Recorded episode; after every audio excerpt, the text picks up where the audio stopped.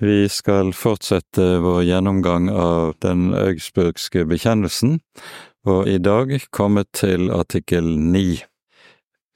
Ja, vi får si litt mer om det etter hvert. Artikkel ni handler i direkte om dåpen, og eh, jeg synes det kanskje kan passe godt at vi synger en dåpssalme nå til en gang.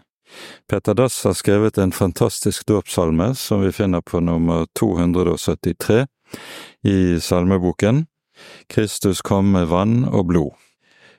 Så vi synger den nå med alle de fem versene før vi starter på bibeltimen. To, syv, tre.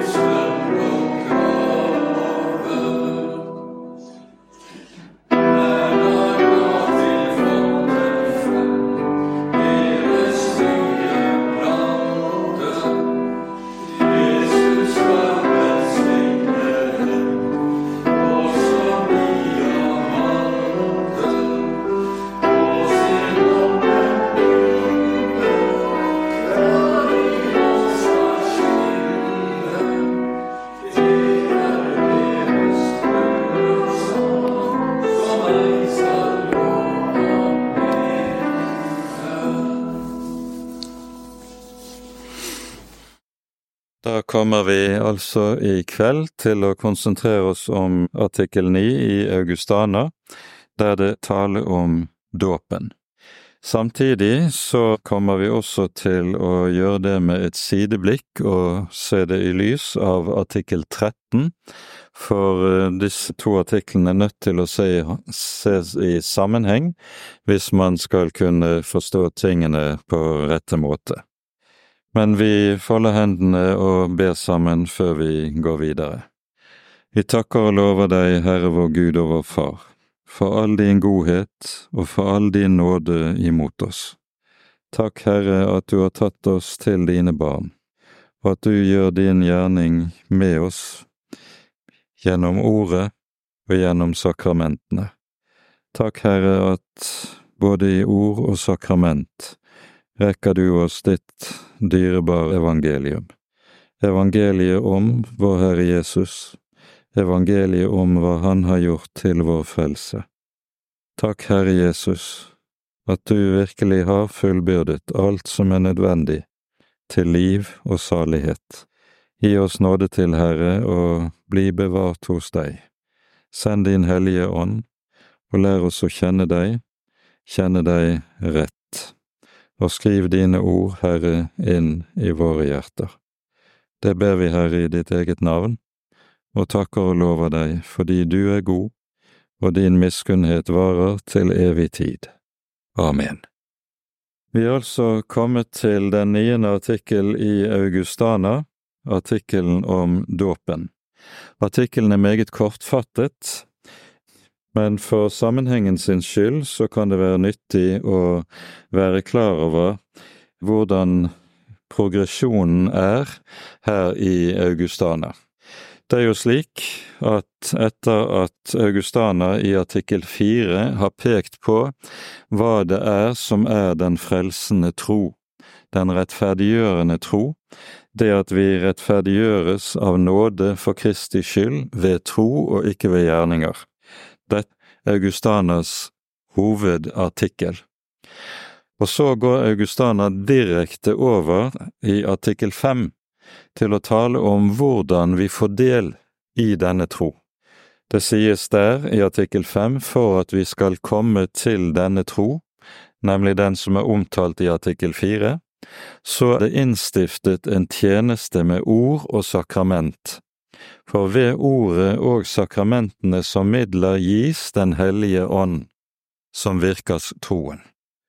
Så allerede i artikkel fem så er det pekt på hvorledes den tro som reformasjonen brakte for dagen, og som, som Luther sier, at det er denne artikkel Kirken står og faller med. Det er denne artikkel fra hvilken vi ikke kan vike om så himmel og jord faller. Så fortsetter Augustana altså meget bevisst med å peke på hvordan vi får del i denne frelsende tro, og det er artikkel fem. Og da er det tale om nådens midler. For at vi skal komme til denne tro, er det innstiftet en tjeneste med ord og sakrament. Så kommer det i neste artikkel en artikkel seks, som står der som en parentes, som i sammenhengen, men som var helt nødvendig av apologetiske grunner i forhold til den romerske motparten i Augsburg, nemlig for å understreke at den tro som det her er tale om, det er en tro som alltid skal og må bære frukt i gode gjerninger og at det ikke er, som ble den lutherske reformasjonen stadig ble beskyldt for fra katolsk hold, å være en fiende av gode gjerninger. Men det står for sammenhengen sitt vedkommende hvis, nærmest parentetisk i Augustana. For det som den egentlige linken videre er at Augustana så fortsetter videre med artikkel syv og artikkel åtte, som er kirkeartiklene. Og hva er det som kjennetegner den sanne kirke, det talte vi om sist gang, det er nettopp nådens midler. Den sanne kirke, den er å finne der hvor nådens midler forvaltes, slik som vår Herre Jesus har talt om det, nemlig der evangeliet forkynnes sant og rett, og sakramentene forvaltes i samsvar med Kristi innstiftelse. Så det er kirkeartiklene som lærer oss hva som det sanne kjennetegn på den sanne kirke. Og så fortsetter det altså fra artikkel ni av å tale om de ulike nådens midler meget konkret. Og Derfor er det slik at vi først i artikkel ni hører om dåpen, dernest i artikkel 10 om nadværen, så i artikkel elleve om skriftemålet, som ble regnet som et sakrament. Dette ser vi i Lille katekisme, fordi skriftemålet jo har eget kapittel også i Lille katekisme. Dette er nådemidler. Og så kommer det i tilknytning til artikkelen om skriftemålet en artikkel om boten. Det er artikkel tolv, fordi det gjelder om i forhold til alle de tre foregående artiklene, så aktualiserer det den katolske botslæren, som egentlig er kjernen i den romerske gjerningsrettferdighet. Før det så altså går videre til artikkel 13, som taler om hvordan sakramentene eller nådemidlene skal brukes hvis de skal brukes rett. Så det har en veldig logisk progresjon i Augustana når det gjelder te tematikken i disse artiklene. Så det er sammenhengen, og det kan være greit å være klar over dette. Og det betyr også helt konkret at den enkelte artikkel ikke kan og ikke må leses isolert fra de øvrige artiklene, og ganske særlig ikke isolert fra de foregående artiklene. For her bygger det ene på det andre som i et byggverk. Vi leser da om dåpen i artikkel 9. Det er altså en kortfattet artikkel. Det står som følger. Om dåpen lærer de at den er nødvendig til frelse, og at Guds nåde blir budt frem ved dåpen, og at barna bør døpes, de som blir mottatt i Guds nåde, når de ved dåpen er overgitt til Gud. De fordømmer gjendøperne, som forkaster barnedåpen og påstår at barna blir salige uten dåp. Her hører vi altså at det, den front som Augustana har i en hel rekke av artiklene, det nemlig ikke bare mot den romerske kirke, men på motsatt side mot svermerne. Den fronten møter vi også her i denne artikkelen.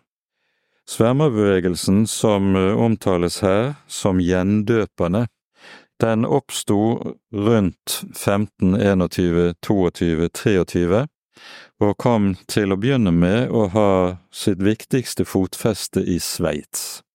Samtidig, eller noe senere, så utvikler bevegelsene seg også i Tyskland, og den får altså blant annet som sitt kjennetegn at den det vi i dag vil kalle for baptistisk.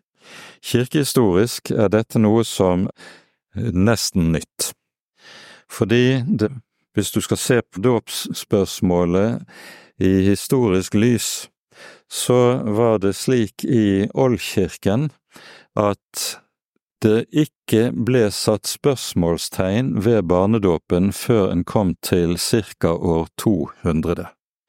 Da er det kirkefaderen Tertulian setter spørsmålstegn ved barnedåpen, fordi han gått inn i en sidebevegelse som etter hvert får kjetterstempel, montanismen. Og montanismen har en frelsesforståelse som i veldig sterk grad er gjerningsrettferdig rettferdig.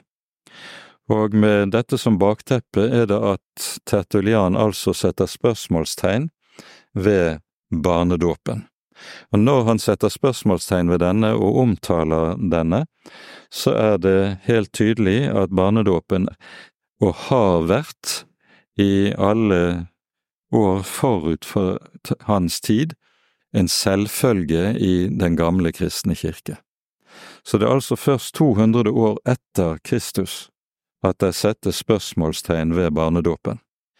Montanismen kommer til å eksistere som en sidebevegelse ved siden av den oldkirken frem til ut på 300-tallet, der den etter hvert blir borte, og etter dette så blir det ikke satt spørsmålstegn ved barnedåpen og praksisen med barnedåp i den kristne kirke før en altså kommer til reformasjonsårhundret og svermerbevegelsen dukker opp. Var svermerbevegelsen i veldig stor grad altså preget av et baptistisk dåpssyn. Mer om det senere, men dette som en liten parentes i forhold til at dette omtales altså her som eh, på slutten av artikkel 9 om dåpen. Så er det altså også slik at alle disse artiklene som taler om nådemidlene fra 9, 10, 11, de må leses i lys av artikkel 13, der det taler om den rette bruk av nådens midler. Og her leser vi følgende. Om bruken av sakramentene lærer de at sakramentene ikke bare er innstiftet for at de skal være bekjennelsestegn mellom mennesker, men mer for at de skal være tegn og vitnesbyrd om Guds vilje imot oss, fremsatt for å vekke og styrke troen hos dem som bruker den. Derfor bør sakramentene brukes slik at troen slutter seg til den som stoler på de løfter som ble gitt og fremvist i sakramentene. For eh, dette er noe som, hvis man leser artikkel 9 isolert, så har det vakt undring hvorfor i alle dager omtaler ikke Melanchthon troen i forbindelse med dåpen. Det er nettopp antagelig med tanke på fronten mot gjendøperne, som vi hører om i slutten av artikkelen, men det dukker altså opp i stedet i artikkel 13. Det er viktig å være klar over at disse må leses sammen.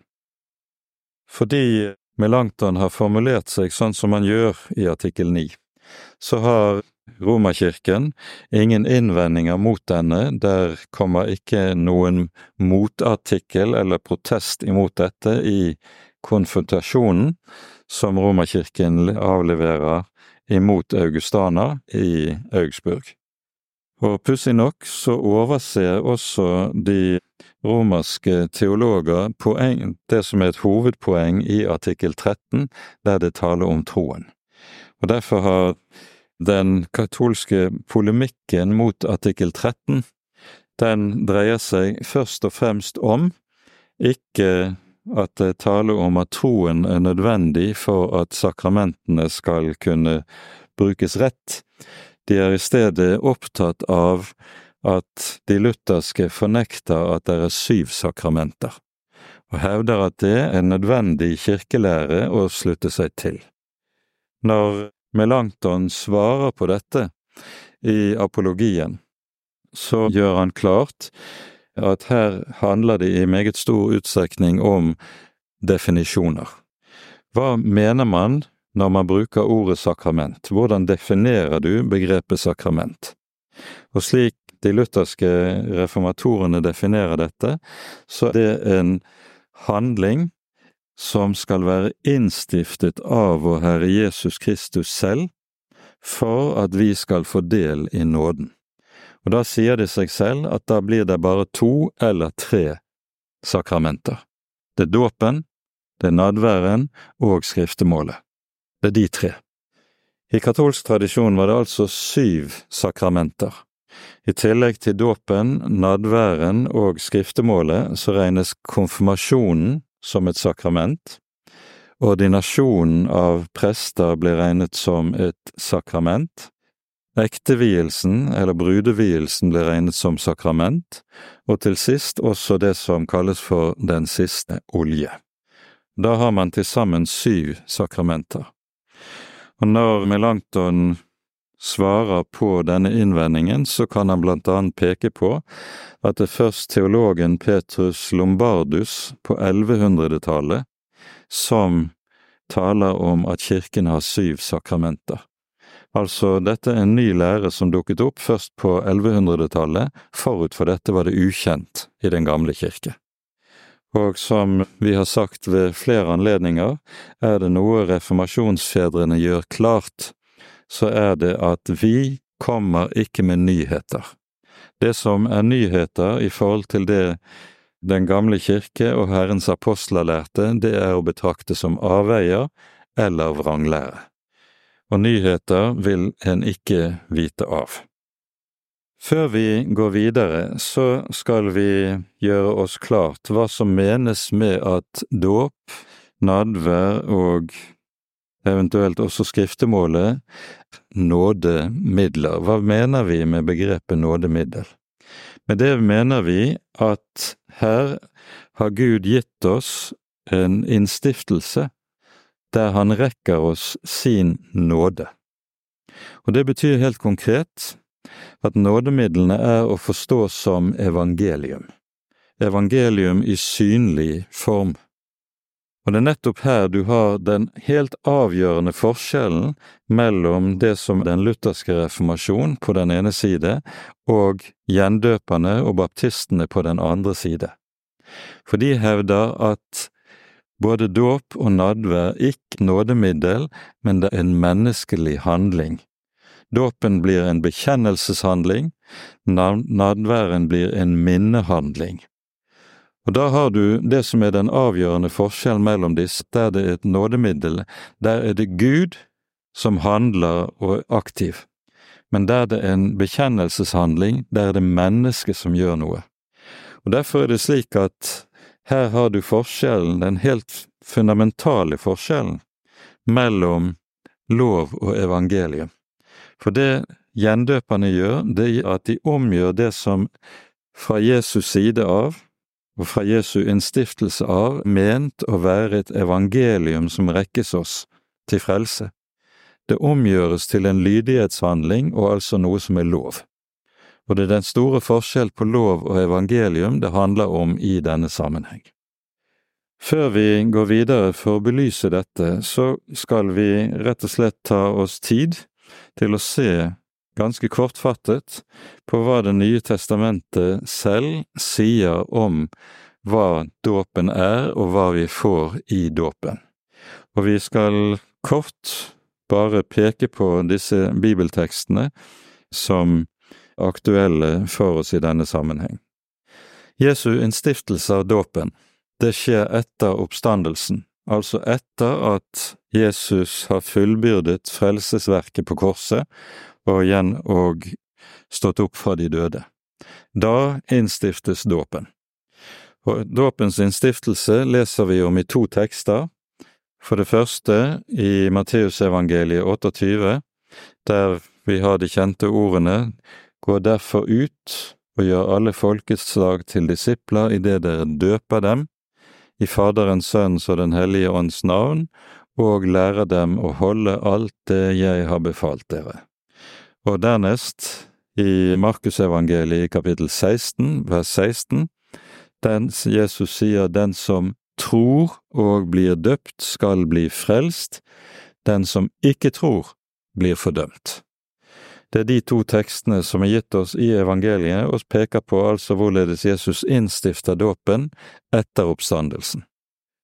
Dette er for øvrig også svar på den innvendingen som du av og til kan høre mot barnedåpen. Det er jo slik at vi hører i Markusevangeliets tiende kapittel om hvordan Jesus sier la de små barn komme til meg. Disiplene ville vise dem bort, og så er det at Jesus tar de små barn i favn og velsigner dem. Og så sies det fra baptistisk hold, der ser vi at Jesus velsignet barna, men han døpte dem ikke. Saken er at Jesus døpte ikke noen fordi dåpen ble ikke innstiftet før etter oppstandelsen. Så dette er en type argumentasjon som ikke tar høyde for hva som er sammenhengen i Det nye testamentet. Men går vi til apostelgjerningene videre og brevene i Det nye testamentet, så understrekes det med meget stor styrke hva det er vi får i dåpen. Og da kan vi først minne om Peters ord på pinsedag. Han har holdt sin store tale, forkynt evangeliet om Herren Jesus, og så det vi hører reaksjonen i folket fra vers 37. Da folket hørte dette, stakk det dem i hjertet, og de sa til Peter og de andre apostlene, Hva skal vi gjøre, brødre?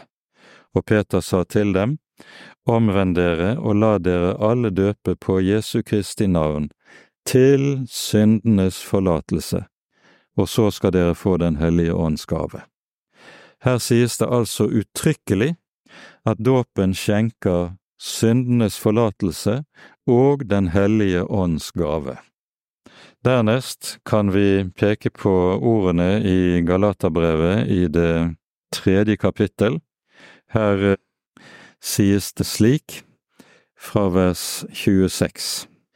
Alle er dere jo Guds barn ved troen på Jesus Kristus, for dere. Så mange som er døpt til Kristus, har ikledd dere Kristus. Dåpen innebærer rett og slett altså at en ikles vår Herre Jesus Kristus. Går vi til Efeserbrevet i det femte kapittel, tales det om dåpen på en ganske særlig måte som Luther anvender i lille katekisme og viser til i lille katekisme. Her sies det i vers Efesene 5 fra vers 25 og vers 26. Dere menn, elsk deres hustruer like som også Kristus elsket menigheten og ga seg selv for den, og så kommer det for å hellige den ved å rense den ved vannbadet i ordet. Og nettopp dette er dåpen. Dåpen vannbad i kraft av eller i Guds ord. Når Luther taler om dette i Lille katekisme, så husker noen av dere kanskje hvordan han formulerer seg med dette. Spørsmålet i katekismen lyder som følger Hvordan kan vann gjøre så store ting, nemlig gi syndenes forlatelse, gi oss Den hellige ånd, ikle oss Kristus, osv.? Så, videre? så svarer Luther som følger Det er ikke vannet som gjør det, men det er Guds ord som er sammen med vannet, og troen som stoler trygt på det Guds ord som er lagt til vannet. For uten Guds ord er vannet bare vann og ingen dåp, men sammen med Guds ord er det en dåp, et hellig, nåderikt livets vann, og et bad til ny fødsel ved Den hellige ånd. Her hører vi altså at Luther anvender teksten her i Efesane 5 og taler om hvorledes dåpen vannbad i kraft av ordet. Går vi videre til Kolossabrevet, det annet kapittel, så hører vi en særlig anvendelse av, eller omtale av, dåpen, som parallelliserer dåpen med omskjærelsen i den gamle pakt. Her sies det i Kolosserbrevet kapittel to, vers 11 og 12. I ham, i Kristus altså, dere også blitt omskåret med en omskjærelse som ikke er gjort med hender, ved at kjødets legeme ble avlagt ved Kristi omskjærelse, idet dere ble begravet med ham i dåpen, og i den ble dere også reist opp med ham ved troen på Guds kraft, han som reiste Kristus opp fra de døde. Her er poenget at dåpen parallelliseres med omskjærelsen i den gamle pakt. Omskjærelsen ble foretatt på guttebarn på den åttende dagen, og betød innlemmelse i Guds folk, innlemmelse i pakten, som Herren hadde sluttet med Abraham. Og på samme måte som de små barna innlemmes i pakten, Abrahams pakt, ved omskjærelsen, så innlemmes vi i den nye pakt ved den nye pakts omskjærelse, som her altså dåpen. Og når dåpen parallelliseres med omskjærelsen i den gamle pakt, så hører vi at det skjer med en ganske bestemt omtale av hva dåpen gjør. Dåpen betyr en begravelse med Kristus og en oppstandelse med Kristus. Og dette er noe Paulus omtaler mer utfyllende i Romerbrevets sjette kapittel, der han sier at ved dåpen forenes vi med Kristi død og oppstandelse, på en slik måte at ved foreningen med Kristi død, så korsfestes og dødes det gamle mennesket, og så, ved Kristi oppstandelse, så oppstår det et nytt menneske. Det er altså det som den nye fødsel. Og så kunne vi spørre, er dette noe mennesket selv kan gjøre? Det er en Guds gjerning. Det er Gud som forener oss med Kristi død og oppstandelse, avkler oss kjødets legeme og skaper et nytt menneske, på samme måte som Kristus sto opp fra de døde. Derfor symboliserer dåpen også liv av døde. Når Luther derfor skriver om dåpen allerede i 1519, det er jo meget tidlig under reformasjonen, så argumenterer Luther for at rettelig burde all kristen dåp skje full neddykkelse, for å kunne ivareta den symbolikken som ligger nettopp i det å bli begravet og så reist opp fra de døde ved når en kommer opp av vannet. Så er Luther også klar over at det er symbolikk, ikke noe som tvingende nødvendig, men det er en annen sak. For, men for å ivareta nettopp dette bildet, og at dette bildet på ny og på ny skulle fremstilles for menighetene, så mener han at det aller beste ville være å ha dåp ved full neddykking, også av små barn, når de døpes. To tekster til fra Det nye testamentet som er helt sentrale i denne sammenheng. Den neste finner vi i Titus brev i det tredje kapittel. Her står det slik, Da Guds, vår Frelsers godhet og kjærlighet til menneskene ble åpenbart, frelste Han oss, ikke på grunn av rettferdige gjerninger vi hadde gjort, men etter sin miskunnhet ved badet til gjenfødelse og fornyelse ved Den hellige ånd. Her sies det på ny, dåpen en handling der det er Gud som handler, det sies Han frelste oss. Og hvordan gjorde han det? Ved badet til gjenfødelse og fornyelse ved Den hellige ånd. Dåpen er altså et bad som både gir gjenfødelse, som fornyer oss, og som rekker oss Den hellige ånd. Ingenting av dette er noe som vi mennesker kan utvirke gjennom egne gode gjerninger eller anstrengelser. Alt dette er noe som er Guds gjerning, og som han utfører av ren og ublandet nåde på sine små. Og så hører vi til sist at dåpen omtales også i Første Peters brev i det tredje kapittel. Og det, denne teksten i Første Peters brevs tredje kapittel har ofte vært noe av en hovedtekst for baptister når de har villet argument mot barnedåpen. Poenget i teksten er at her er det tale om, eller Peter peker tilbake på beretningen om syndfloden, og hvorledes Noah og hans familie ble frelst gjennom vann. Og så står det som følger her på slutten av Første Peters tre. I den, altså gjennom syndfloden, ble noen få, det vil si åtte sjeler, frelst ved vann. Det som også nå frelser oss i sitt motbilde, nemlig dåpen. Den ikke en avleggelse av kjødets urenhet, men en god samvittighetspakt med Gud ved Jesu Kristi oppstandelse. Og her sies det da altså at dåpen er en god samvittighetspakt med Gud, og følgelig så kan det ikke være tale om noe som kan anvendes på små barn. Når en sier slikt, så er en ikke oppmerksom på at vår bibel taler om to ulike grunntyper av pakter. Tar, Bibelen taler for det første om den pakt som vi kaller for lovpakt. Og lovpakten, det er, man, det er en gjensidig pakt, der det er slik det er to parter, der Gud lover å gjøre sånn, så og så, gi meg sin nåde og sin velsignelse, på betingelse av at jeg gjør så og så. Lovpakten er en betinget pakt. Loven er betinget av mine gjerninger, mine gode gjerninger. Og så har du det som kalles for nådepakten. Og nådepakten er en ensidig pakt, en pakt mellom Gud og mennesker, men den er ensidig i den forstand at Gud lover å gi meg alt godt betingelsesløst, uten at jeg oppfyller noe som helst vilkår gjennom noen gjerning jeg skal gjøre.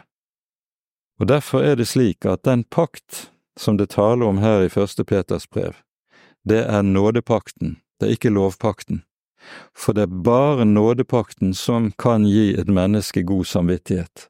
Kristi blod renser vår samvittighet fra alt det som vi har liggende på samvittigheten. Han har sonet vår synd, båret vår synd på korset, tatt våre synder med seg inn i graven, og der ligger de. Og så er vi frie. Det er nådepakten. Og dåpen, det er altså en nådepakt, det er ikke en lovpakt.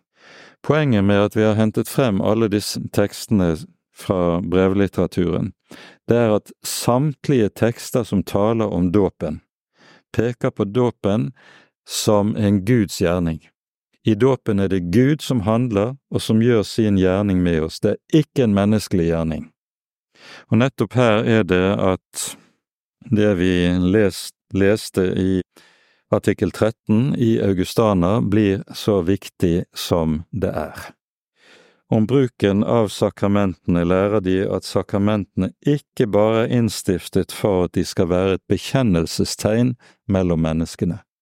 Da blir dåpen en gjerning som vi gjør.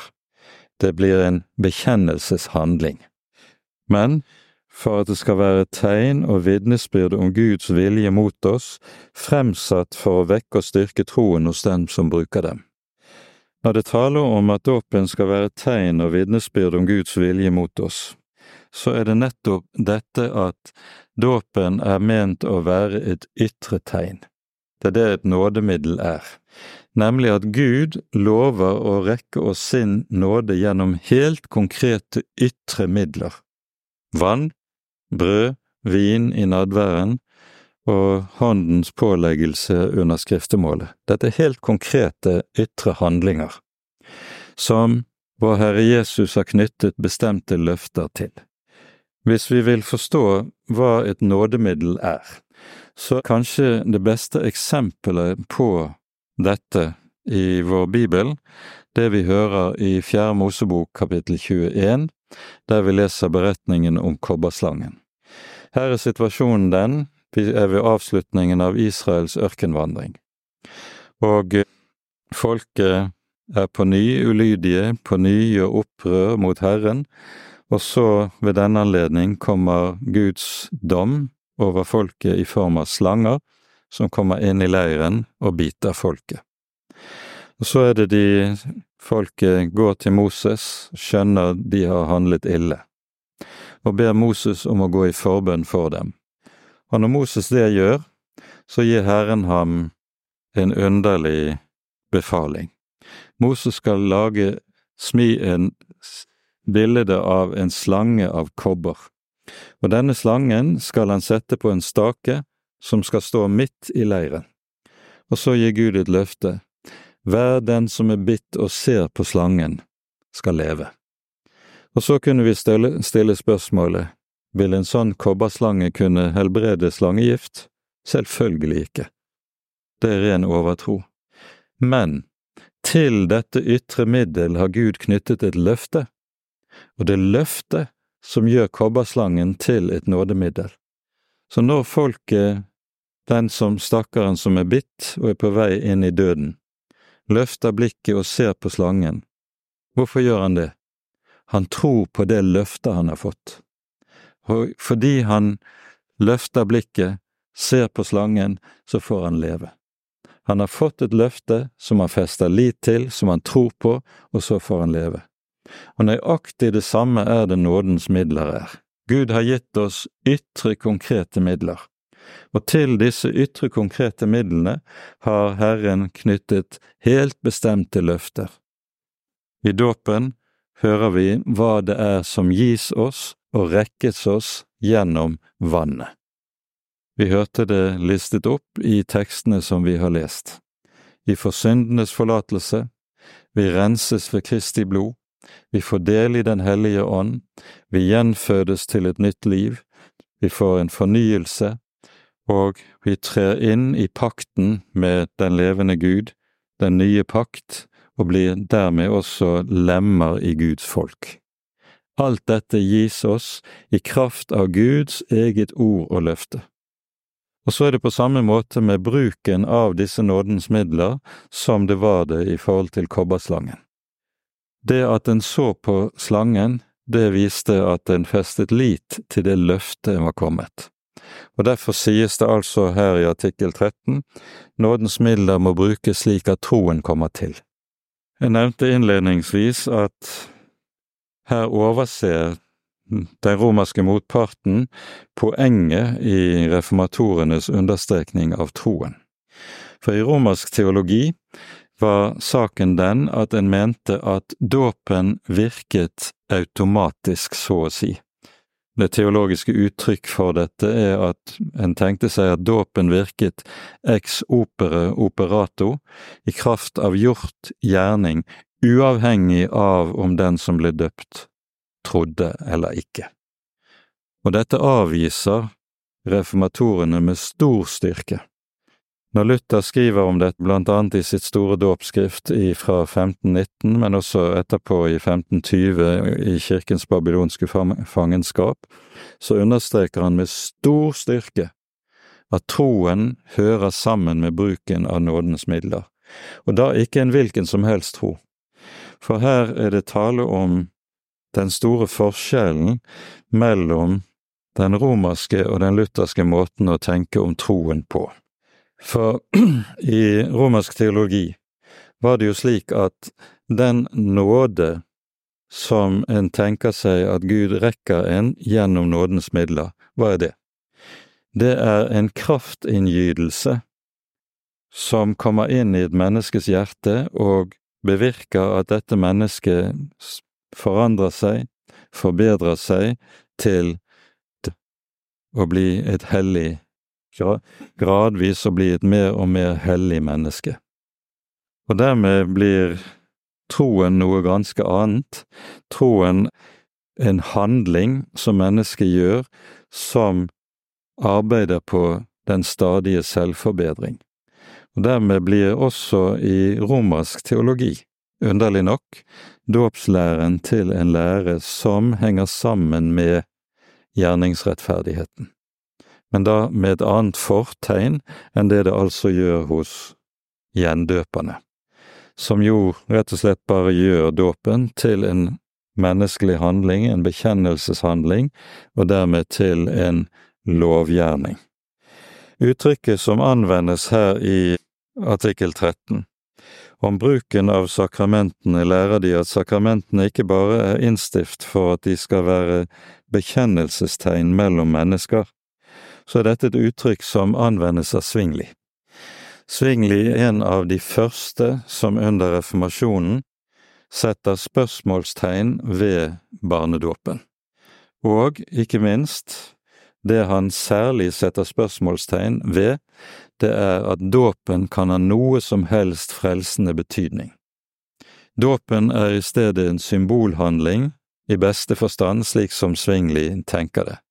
Og med utgangspunkt i Svingli sin forkynnelse, så er det at døperbevegelsen benytter seg av en del av det han har skrevet, og etter hvert radikaliseres.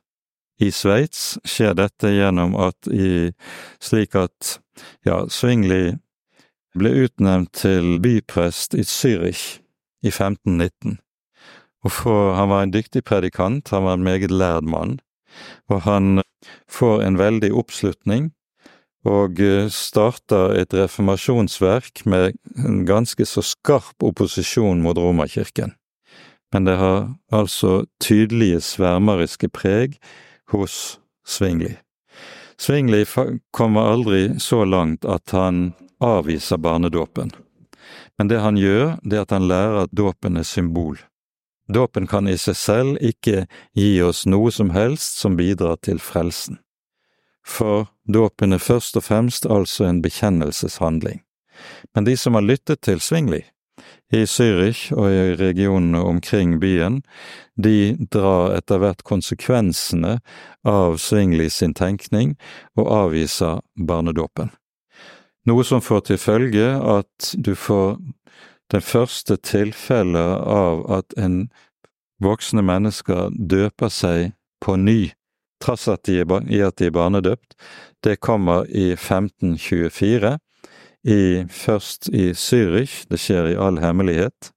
Bystyret i Zürich, når de får rede på det, så utviser de disse folkene som lar seg døpe på ny, og de gjør det med støtte fra Svingli, som ikke går med på gjendåp. Men da har allerede døperbevegelsen fått så mye fart, blant annet på grunn av utviklingen i Tyskland, at det blir umulig å stanse den. Og så det at dette utvikler seg videre, og det er her vi finner opphavet til moderne baptisme. Døperbevegelsen ble jo på grunn av opprøret, det politiske opprøret som de også representerte, ganske særlig i Tyskland, så kom de til å bli forfulgt. Og eh, må etter hvert dra i landflyktighet, og store deler av de som kom til å stå for denne måten å tenke på, de flykter etter hvert over til den nye verden, til Amerika, og det i Amerika at baptismen som kirkelig bevegelse utvikler seg og vokser til å bli en meget betydelig del av moderne eller nyere kristenhet. Og bakgrunnen for dette er altså den forfølgelsen som døperbevegelsen kom til å oppleve i Europa, et, ganske særlig etter bondeopprøret i Tyskland. Dette er en del av historien i dette, og det kan være viktig å være oppmerksom på historikken bak dette.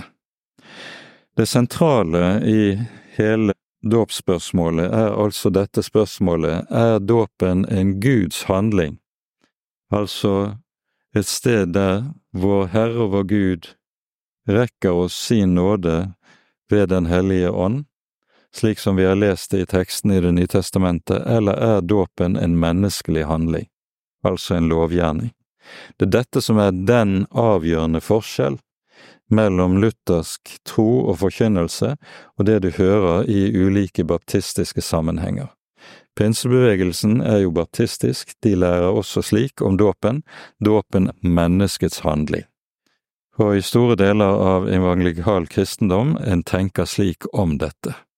Men det er tydelig i strid med klare ord i Det nye testamentet som sier meget tydelig at her er det Gud som handler og utfører sin nådegjerning til frelse gjennom vannet i dåpen. Dette er helt grunnleggende å være klar over. I kirkens gamle dåpsrituale, som vi kan spore helt tilbake til oldkirken, så er det slik at som dere alle vil ha sett når dere, når dere har vært til stede ved barnedåp i kirken, at i forbindelse med dåpen så tegnes barnet med korsets tegn. Den gamle skikken var på panne og på bryst. Korstegnet på panen, hvor kommer det fra? Kirkefaderen Augustin omtaler det i et av sine skrifter og sier at dersom dåpshandlingen ikke ledsages av korstegning, så er dåpen ugyldig. Så radikalt sier han det. Dit vil nok vi ikke videre av det, fordi vi sier uttrykkelig at det er Kristi ord som gjør dåpen til dåp, gir dåpen dens gyldighet og dens virkekraft, er ikke en symbolhandling som hører sammen med det. Men hvor kommer denne symbolhandlingen fra, som har med korstegningen på pannen? Det kommer fra at en ganske bestemt tekst i Det gamle testamentet, nemlig profeten Esekiels niende kapittel. Der hører vi at det profeteres om hvordan Jerusalem skal ødelegges av babylonerne. Men for ødeleggelsen skal skje, så får en Herrens engel befaling om å gå gjennom byen og tegne et tegn i pannen på alle som sukker og sørger over ondskapen i Jerusalem. Og det hebraiske ordet som brukes for tegn i denne sammenheng, du skal sette en tav i pannen på alle som sørger over Jerusalems synd. Og tav, det er den siste bokstaven i det hebraiske alfabetet, og i gammelhebraisk skrift så ble taven tegnet som et korstegn. Og da var Guds løfte når han sendte sin engel gjennom byen forut for Jerusalems utleggelse, at alle som på denne måten var markert av Herren selv, de skulle spares for den store ulykken, for den store dommen, som skulle gå over byen. Og så er det denne symbolikken som anvendes meget tidlig i Oldkirken for til minne om hva som skjedde den gang, og med Guds løfte. Her er det at Herren gir sitt folk livet og lover å spare dem for dommen, den evige dom, som ligger foran. Med dette så har vi altså pekt på en del av det som avgjørende i denne sammenheng. Til sist skal vi ganske kort i parentes si noen ord kan, om det som en ofte kan møte fra i polemikken mot barnedåpen i Den kristne kirke. En taler nemlig om troendes dåp. En anvender uttrykket i tilknytning til Jesu ord i Markusevangeliets 16. kapittel, der Jesus sier den som tror og blir døpt, skal bli frelst. Den som ikke tror, blir fordømt. Og så sier en da gjerne i tilknytning til dette, ja, men de små barna kan jo ikke tro. For det første må vi til det spørsmålet si hvordan vet du det? Det er helt klart at spedbarnet som bæres til dåp, ikke kan avlevere en bekjennelse, ikke avlegge regnskap for sin tro, slik som et voksent eller modent menneske kan det. Men kan ikke barnet tro? Selvfølgelig kan barnet tro. Og parallellen til dette har vi helt enkelt i dette at når det lille barnet er født og ligger ved mors bryst, så kunne du stille spørsmålet stoler det lille barnet på sin mor? Selvfølgelig, det er en person det lille nyfødte stoler på, så er det mor. Barnet kan ikke sette ord på dette, barnet kan ikke forklare det, men tilliten ligger der som en grunnleggende del ved forholdet mellom mor og barn, og på samme måte så kan også barnet tro, og troen gis gjennom nådens middel. For det andre, argumentet for troendes dåp hevdes jo at rekkefølgen som Jesus taler om dette i Markus 16, det er forpliktende. Det står tro først og så dåp. Til det må en svare motsatt, hvis rekkefølgen er så viktig, hvorfor er da rekkefølgen i Matteus 28 ikke viktig? For der sies det jo motsatt, gjør alle folkeslag til disipler i det dere døper og lærer. Der kommer dåpen først. Her er poenget rekkefølgen i bibelordet over er totalt uvesentlig. Jeg kan ikke dra teologiske konklusjoner av det. For det tredje må vi også være klar over at når det fra det hold der en argumenterer mot barnedåp, hevder at det ikke omtales bar, dåp av barn i Det nye testamentet, så er det en halv sannhet. For det første må en til dette svare i logikken, som forhåpentligvis alle har noenlunde på plass, så skal en aldri da argumenta ex silencio, som man sier. En kan ikke dra slutninger av, noe som, av noe som ikke sies og derfor dra teologiske slutninger av at en mener at barnedåp ikke er omtalt i Det nye testamentet, det er noe som ikke er holdbart rent logisk. Men for det andre, det sies uttrykkelig i en rekke sammenhenger i apostelige gjerninger at den og den ble døpt med hele sitt hus. Og i alle hushold der det taler om hele hus, der var det bare både tjenerskap, ektefelle og barn. Alle hørte med i husholdet, og hvis barn skulle være unntatt, så måtte det sies uttrykkelig. Argumentet om at det ikke sies noe om barnedåp i Det nye testamentet holder jo overhodet ikke, for det står ingenting om dåp av eskimoer heller i Det nye testamentet. Poenget, hvis det Jesus hadde tenkt som så at det skal være et unntak, så hadde han sagt det.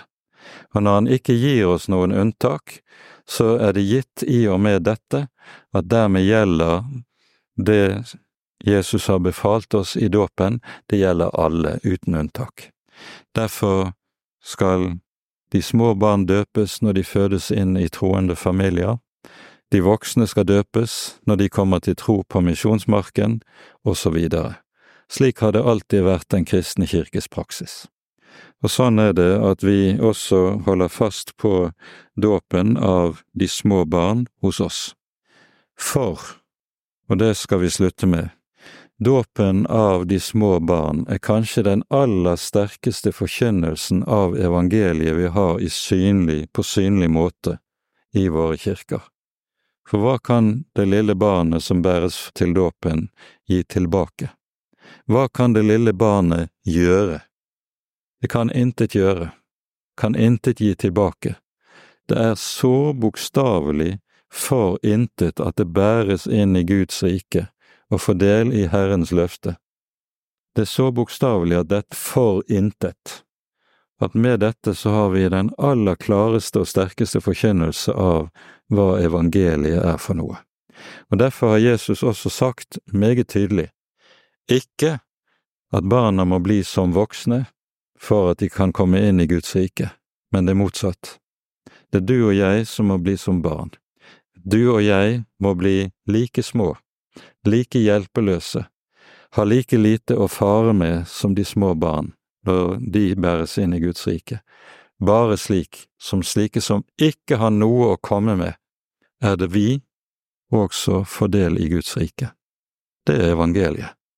For evangeliet er budskapet om at Gud tar oss til nåde for intet, for Kristi skyld, for Kristi skyld.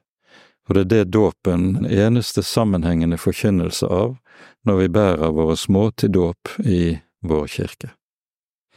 Med det tenker jeg at vi setter punktum for kveldens bibeltime. Ære være Faderen og Sønnen og Den hellige ånd, som var, er og være skal, en sann Gud, høylovet i evighet. Amen. Da er det da slik at vi skal ha en liten pause. Det blir litt å bite i, en kopp kaffe for de som har trang til det, og så er det mulighet for spørsmål og samtale i tilknytning til det, så velkommen til det.